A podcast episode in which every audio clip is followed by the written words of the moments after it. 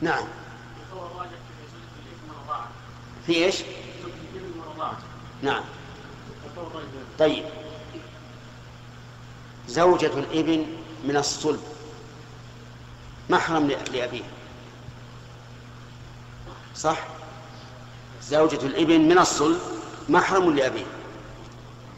لقول الله تعالى وحلائل أبنائكم في جملة المحرمات وحلائل أبنائكم الذين من أصلابكم.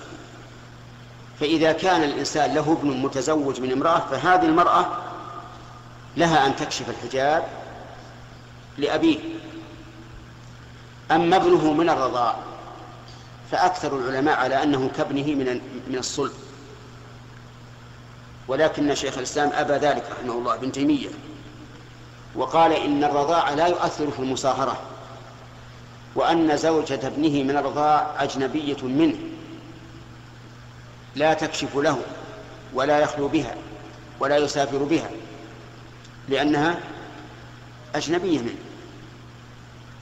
والله عز وجل يقول حلائل أبنائكم الذين من أصلابكم والنبي صلى الله عليه وعلى آله وسلم يقول يحرم من الرضاع ما يحرم من النسب وزوجة الإبن حرام على أبيه من النسب ولا من المصاهرة؟